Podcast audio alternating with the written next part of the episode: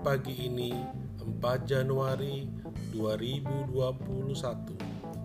Mazmur 2 ayat 7 Aku mau menceritakan tentang ketetapan Tuhan.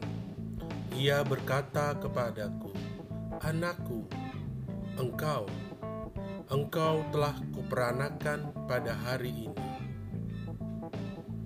Saudara-saudari terkasih, mari mengisi hari ini dengan menceritakan kebaikan Tuhan yang kita rasakan. Dengan demikian, kita sungguh-sungguh anak Tuhan.